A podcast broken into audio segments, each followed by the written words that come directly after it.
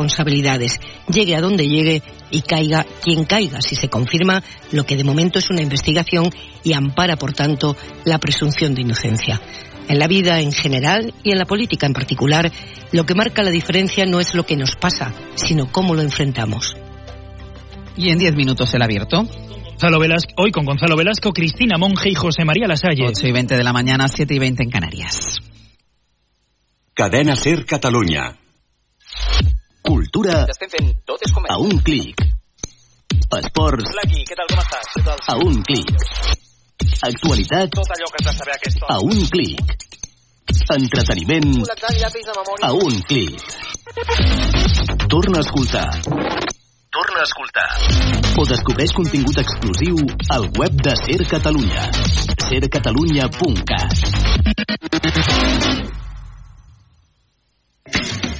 Allà on vagis, Ser Catalunya t'acompanya. Escolta Ser Catalunya en directe des de qualsevol lloc amb l'aplicació de la cadena Ser. Ser Catalunya. Som a tot arreu. Som al teu costat. Descarrega't l'app de la SER i busca Ser Catalunya.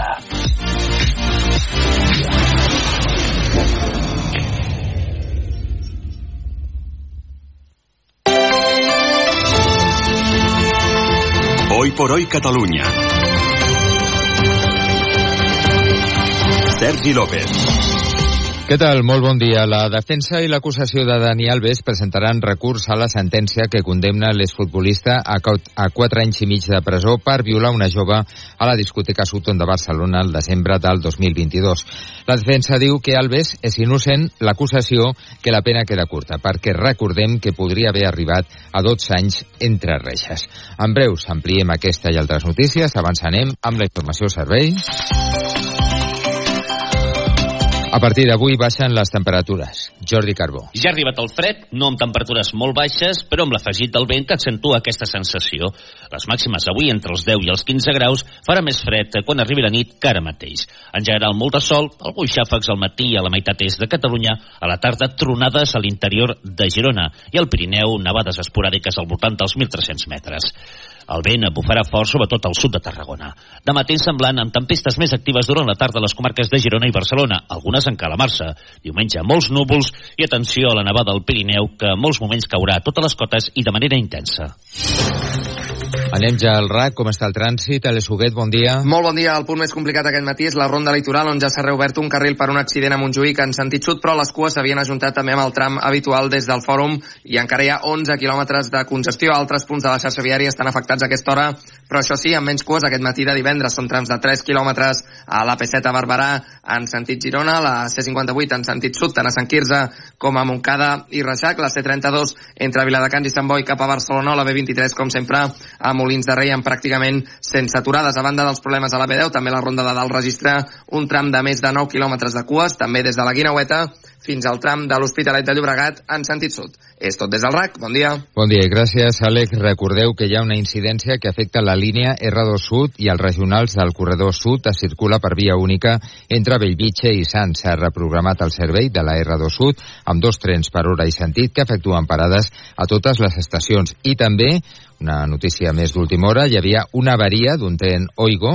entre eh, Cantonís i Sants, que ja ha estat retirat, però es mantenen algunes afectacions als trens SAVE. Progressivament s'aniran recuperant els horaris habituals.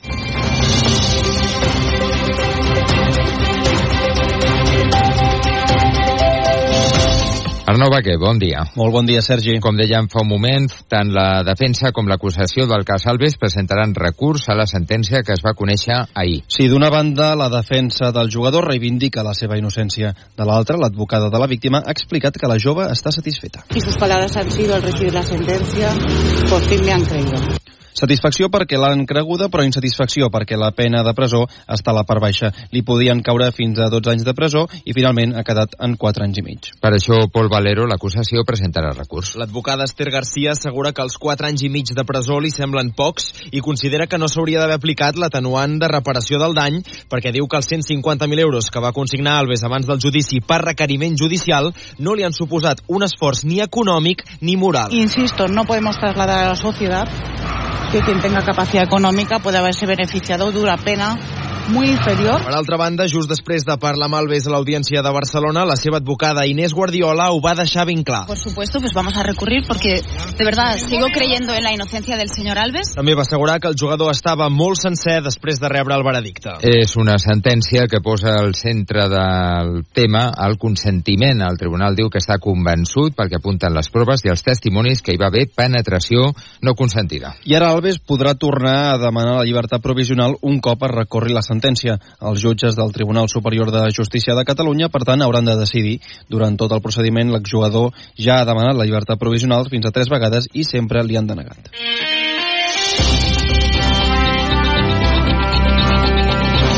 El pròxim curs escolar començarà el 9 de setembre infantil, primària i ESO i a partir del 12 batxillerat i cicles. La consellera d'Educació rectifica l'aposta del seu predecessor perquè el curs comencés sempre al quart dia laborable de setembre. La consellera Anna Simó defensava que el govern manté el compromís de no tornar a situar l'inici de curs després de la diada, però alhora escoltar la comunitat educativa. I mentre jo sigui consellera no tornarem a començar el curs després de la Diada Nacional. Això és una qüestió, és una aposta de legislatura que confirmo i em refermo.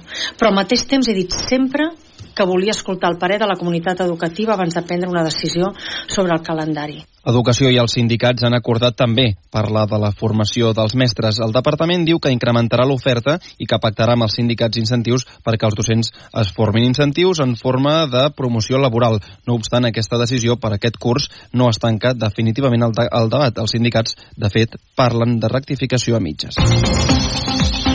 Les qüestions, gir del Parlament al projecte del Hard. La cambra ha demanat que s'aturin els planejaments urbanístics turístics fins que s'acabi la sequera. Una proposta dels comuns per frenar el centre de Vilaseca que ha rebut el suport d'Esquerra. El govern fa equilibris a la cambra en plena negociació pels pressupostos. Ens ho amplia el Xavier Balló. El Parlament ha validat que s'aturin les modificacions urbanístiques de projectes turístics que tindran un gran consum d'aigua gràcies a una votació molt ajustada que, per cert, ha decantat la diputada que va ser expulsada de Junts, Cristina Casol. Esquerra Esquerra ha donat suport a la proposta dels comuns amb la intenció de convèncer-los per aprovar els pressupostos i ha acabat prosperant també per l'abstenció de Junts. Una moratòria de facto per al Hard Rock que el PSC no vol. Per això el govern ha buscat fer equilibris amb els seus potencials socis pels pressupostos i en paral·lel Esquerra ha dit que no a una altra proposta més explícita de la CUP d'enterrar el centre recreatiu de Vilaseca. I no abandonem encara el Parlament, qui ara reclama al govern que permeti al turisme omplir piscines amb aigua de mar i també més flexibilitat en les restriccions als gimnasos i instal·lacions esportives. El govern no suposa aquesta reclamació que impulsen PSC i Junts, que han fet pinça també per condemnar la inacció i la mala gestió de l'executiu de Pere Aragonès amb la sequera. Hoy por hoy Catalunya. Els usuaris que trien el transport públic per venir a Barcelona des d'altres llocs de l'àrea metropolitana assumeixen que trigaran una mitjana de 10 minuts més que si vinguessin en cotxe, però així eviten, diuen, estar parats en un embús i estalvien diners. És la principal conclusió d'un estudi de mobilitat del RAC que ens amplia en Ferran Dalbau. Entre quarts de vuit i quarts de nou del matí, a l'hora punta, només la meitat de persones que entren a Barcelona ho fan en vehicle privat, mentre que la resta del dia ho fan 6 de cada 10. Cristian Bardagi, director de mobilitat del RAC, explica que aquests 10 minuts, un 20% més de temps, no els surten a compte. No és una qüestió de temps, sembla, és una qüestió més d'estrès, de, de, d'incomoditat, més, més temps de, de necessari en un vehicle per fer ajustar en moviment, encara que el, no, el, el temps total eh, sigui més llarg. Ara bé, l'ocupació mitjana dels transports públics interurbans a l'àrea metropolitana en hora punta és del 80% i arriba al 100% a les línies R2, R2 Sud, R1 i R4. Els Mossos d'Esquadra investiguen la mort violenta d'una persona al barri de la Barceloneta, la capital catalana. Els agents van rebre un avís a les 4 i 20 de la tarda de dimecres per un home mort al carrer, concretament al passeig Joan de Borbó. Segons els Mossos, es tracta d'un home de 33 anys. La Divisió d'Investigació Criminal de Barcelona s'ha fet càrrec de la investigació per esclarir els fets. A Esport, Riqui Rubio torna a jugar un partit oficial de bàsquet 10 mesos després. L'últim mig any ha estat de baixa per salut mental. Joan Tejedor, bon dia. Bon dia, Riqui va jugar 20 minuts, mig partit, amb 11 punts, 5 assistències i un rebot, amb especial protagonisme als minuts finals de la derrota d'Espanya contra Lituània 75 a 79 de 4 punts, el primer partit classificatori per l'Eurobàsquet 2025. El base content per reaparèixer, sent que li falta molt de ritme. Amb molt de pols, però bueno, eh, anem traient aquesta pols i, i content de poder estar a una pista de bàsquet. Pots fer el que vulguis a, a la cinta, pots córrer el que vulguis, però res imita un partit de bàsquet. Anem a dia a dia, aviam com ens aixequem demà després d'estar tant de temps fora, però bueno. I és que feia 301 dies, uns 10 mesos, que no jugava un partit oficial. Des de l'abril i a l'agost va agafar la baixa per salut mental. Diumenge a Charleroi, a Bèlgica, tindrà l'oportunitat de seguir sumant minuts. I acabem amb Jaume Pla, més conegut com Masoni. A cavall de dos... El cantautor empordanès demana un temps mort per avaluar, descansar i tenir temps per pensar. Abans, però, s'acomiada temporalment dels escenaris amb un concert únic a l'Apolo demà dissabte a dos quarts de nou del vespre. Doncs nosaltres també ens acomiadem fins dilluns, bon cap de setmana.